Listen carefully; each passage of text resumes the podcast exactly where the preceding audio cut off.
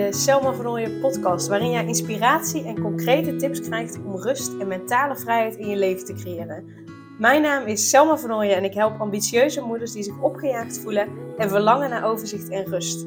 Ik help hen overzicht en rust te creëren, zodat hun kinderen zo lang mogelijk kind kunnen zijn, omdat er thuis veel meer rust is. Heel veel luisterplezier!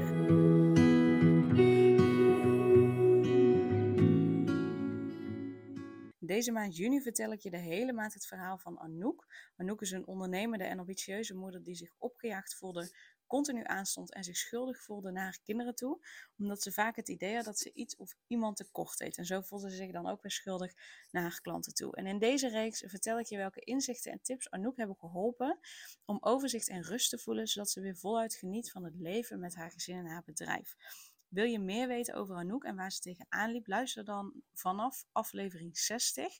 In aflevering 60 dan stel ik Anouk uitgebreid aan je voor. En dan begin je dus echt bij het begin van, het, van Anouk's verhaal. En uh, de afleveringen daarna pik ik telkens één onderdeel uit van waar Anouk tegenaan liep. En wat haar heeft geholpen om dat wat verder uit te lichten, uit te diepen. En je daar uh, nou, tips, inspiratie, motiv motivatie over uh, te geven. En misschien denk je, wauw, uh, aflevering 60, ik zit nu bij aflevering 86. Dan moet ik 26 afleveringen luisteren. Uh, ik kan me voorstellen dat dat veel lijkt, maar er zijn er heel veel die 10 minuten duren. Uh, sommige duren 15 minuten, sommige duren 20 minuten. Een enkeling duurt ietsjes langer dan 20 minuten. Maar de meeste duren echt zo rond de 10 minuten. Dus daar ben je eigenlijk zo doorheen.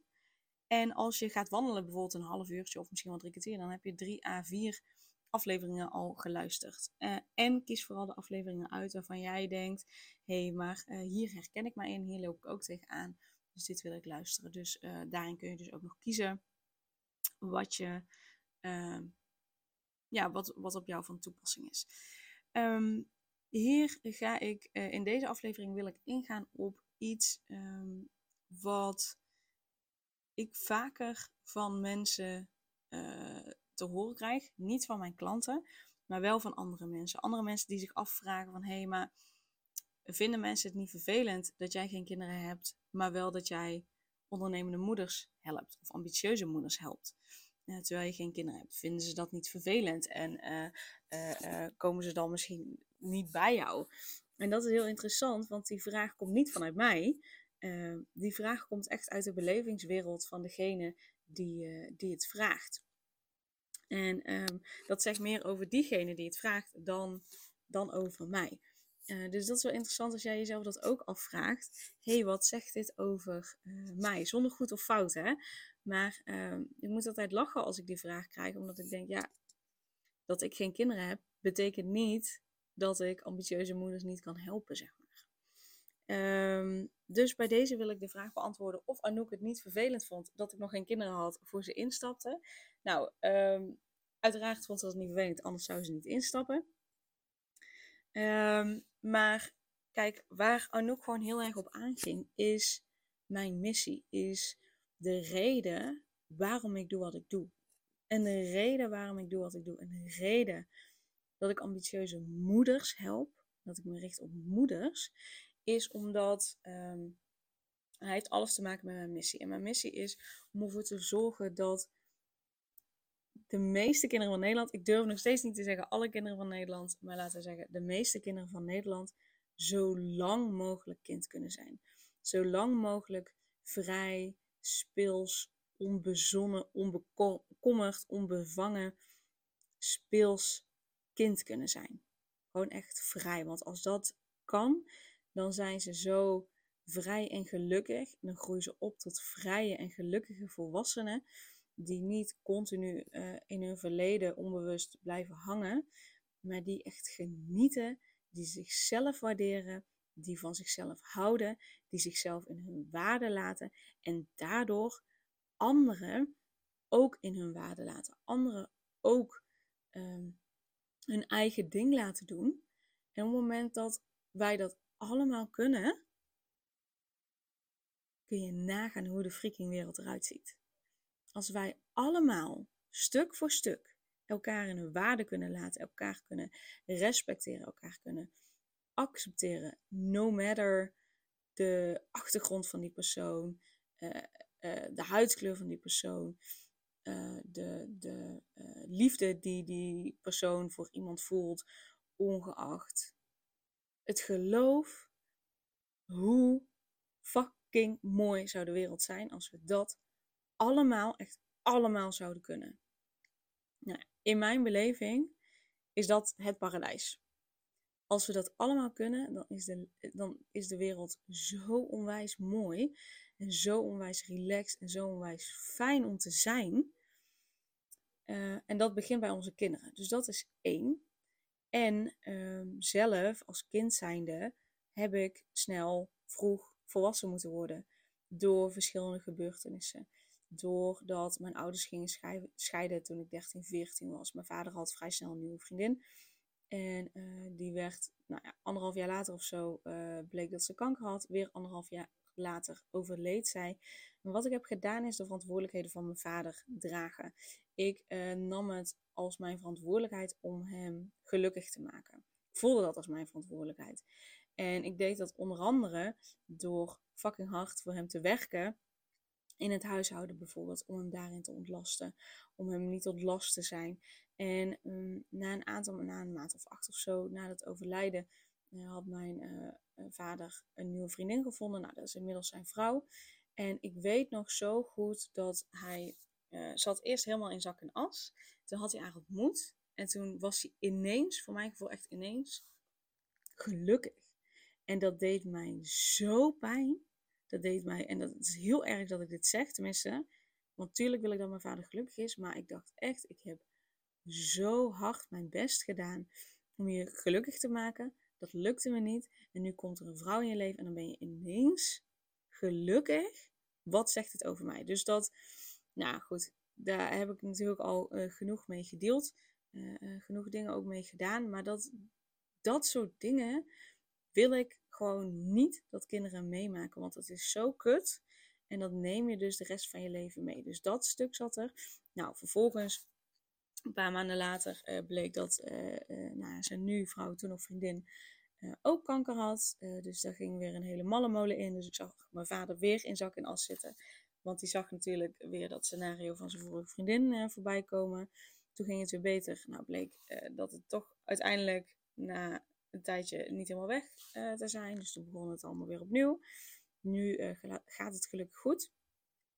Ondertussen uh, had mijn moeder een leuke vriend. En die, toen ik 21 was, overleed hij zich plotseling aan een, ja, een hartstilstand, hartritmestoornis, waar, ze, waar niemand zich bewust van was. Dus dat was echt van de een op de andere dag was het klaar wat niemand had verwacht. En dat heeft mij ook zo'n enorme knauw gegeven.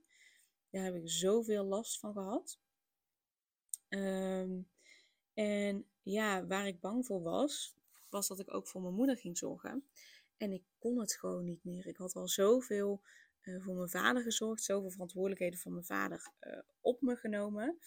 En um, dat, daar was ik al met familieopstellingen al mee aan de slag gegaan.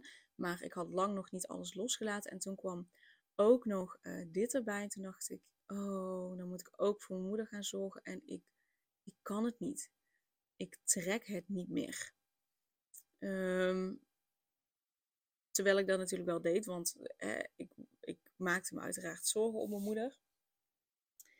En um, tegelijkertijd voelde ik me schuldig, want toen dacht ik, ja, nou ja, ik heb wel voor mijn vader lopen zorgen, voor mijn vader van alles lopen doen. En dan doe ik dat niet voor mijn moeder. Dus dan voelde ik me daar weer schuldig over. Dus op die manier, um, en dat is, dat is uh, dus ik heb vroeg volwassen moeten worden. En uh, dat hele serieuze stuk van mij, zeg maar, dat is nog langer doorgelopen in mijn twintiger jaren. Uh, omdat het toen natuurlijk ook allemaal shit gebeurde. En, en uh, ik ook dan nog steeds voor mijn ouders ging zorgen. Um, en dat wil ik gewoon niet. Want ik weet hoe, hoe, hoe, ja. En ik wil het niet zwaar maken, maar ik ga het wel noemen. Uh, hoe zwaar het destijds was. En hoe zwaar het was om er allemaal mee te dealen. Maar vooral ook hoe zwaar het was om uh, dat soort dingen op te ruimen en los te laten. En hoe moeilijk ik dat vond. En hoe schuldig ik me dan voelde. En, en hoe boos ik ben geweest. En hoe verdrietig ik ben geweest. En hoe eenzaam ik me heb gevoeld. Dat, ja, dat, wens ik geen enkel mens. Uh, en dat wens ik vooral geen enkel kind. Um, en, en daarin uh, ja, heb ik soms het idee dat ik gewoon wel delen van mijn jeugd heb gemist. Ik heb ook echt vriendinnen verloren omdat uh, ik gewoon niet meer leuk was. Uh, ik was niet meer onbezorgd. Ik was niet meer vrij. Ik was niet meer per se gezellig. Ik was gewoon heel serieus. En daar heb ik vriendinnen door verloren. Ja, hoe vervelend is dat voor een kind? Uh, en ik ging het allemaal uit de weg, want ik kon het niet dragen om ook nog uh, ja, uh, met dingen die niet lekker liepen met vriendinnen, om daarmee te dealen. Dus ik ging daarvan weg. En ja, hoe vervelend is het voor een kind als hij zijn vrienden verliest, uh, omdat hij zo erg bezig is met andere ja, shit waar hij mee te dealen heeft. En dat gun ik geen enkel, kind. Uh, ik gun een kind gewoon volledig zijn jeugd. En, en dat hij niet het gevoel gaat hebben dat hij, dat hij iets heeft gemist. En uh, daarom vind ik het zo belangrijk om ervoor te zorgen dat kinderen zo lang mogelijk kind kunnen zijn. En um, dan zou je misschien zeggen, Marcel, maar waarom richt je je niet op kinderen? Dat kan uiteraard ook. Maar ik kan nog van alles met kinderen doen. Zolang ouders het niet doorzetten, ja, heeft het zeker wel zin, maar vind ik niet duurzaam. Uh, en daarom richt ik me uh, op moeders. Ja, ik vind het gewoon het fijnste om met vrouwen te werken. Uh, en ik vind het gewoon ik ben zelf ambitieus. En ik hou ervan dat moeders wel hun ambities na willen gaan.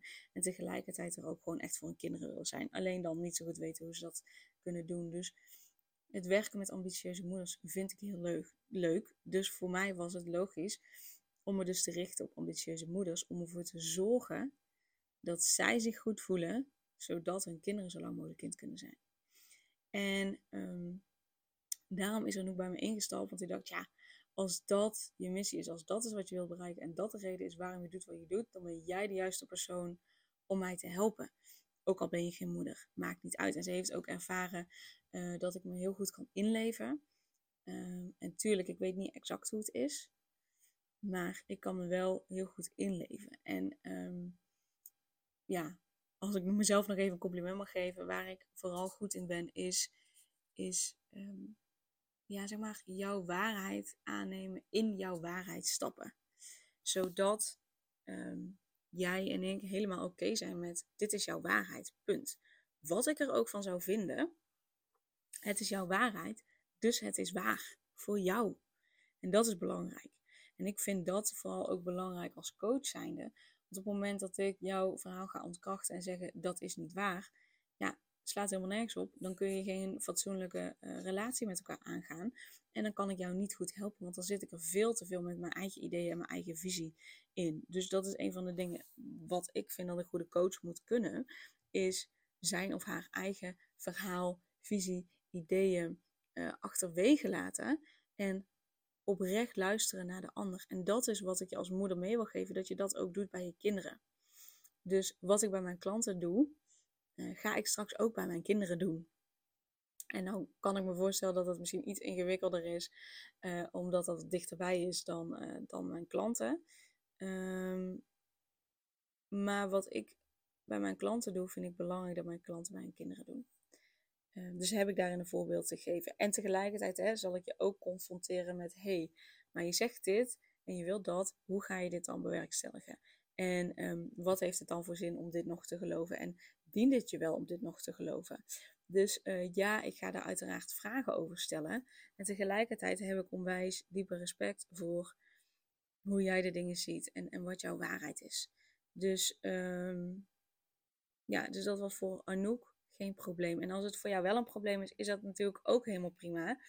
Het is jouw waarheid, dat is, dat is jouw, wat jij fijn vindt, wat jij belangrijk vindt. Dat is helemaal prima. Ga dan alsjeblieft op zoek naar iemand waarbij je ook een goed gevoel hebt. Um, en die dan wel moeder is, als dat een belangrijk aspect is voor jou. Maar kijk vooral naar wie kan mij het beste helpen. En sta daarin ook open uh, voor andere mensen die je misschien niet als eerste zou kiezen. Kan hè? Kijk, um, ja, er zijn meer mensen die rijken geven. Ja, er zijn meer mensen die uh, op het innerlijk kind rijken geven. Ja, er zijn meer mensen die ehm, iets met innerlijk kind doen. Maar de combinatie die ik doe is en reiki, en reiki op innerlijk kind, en reiki op familiesysteem. Reiki op het familiesysteem, dat doet bijna niemand. Ehm, en coaching op het innerlijk kind. En coaching op uh, overtuigingen. Die combinatie, die heeft werkelijk niemand. En als dat een combinatie is die jou aanspreekt, ja, dan nodig, je, nodig ik je echt van harte uit om een matchcall aan te vragen, te kijken of we een klik hebben. Uh, want dat is nog het allerbelangrijkste. Hebben wij geen klik, dan is het belangrijk dat wij er alle twee eerlijk in zijn. En dan uh, gaan we gewoon lekker verder met ons leven, maar dan weten we het in ieder geval. Dus um, ja, voel je welkom om een matchcall aan te vragen en te kijken of er een klik is. En dan, um, dan weten we dat. Maar kijk vooral, voel vooral voor jezelf, oké, wie kan mij hier het beste helpen? Uh, wie kan mij het beste brengen naar daar waar ik naartoe wil? En um, ja, ik ben expert in je helpen naar, uh, naar rust en vertrouwen en overzicht. Um, dus als dat is wat je wil bereiken, dan kan ik je daar zeker mee helpen. Zodat we er samen voor zorgen dat jouw kinderen echt zo lang mogelijk kind kunnen zijn.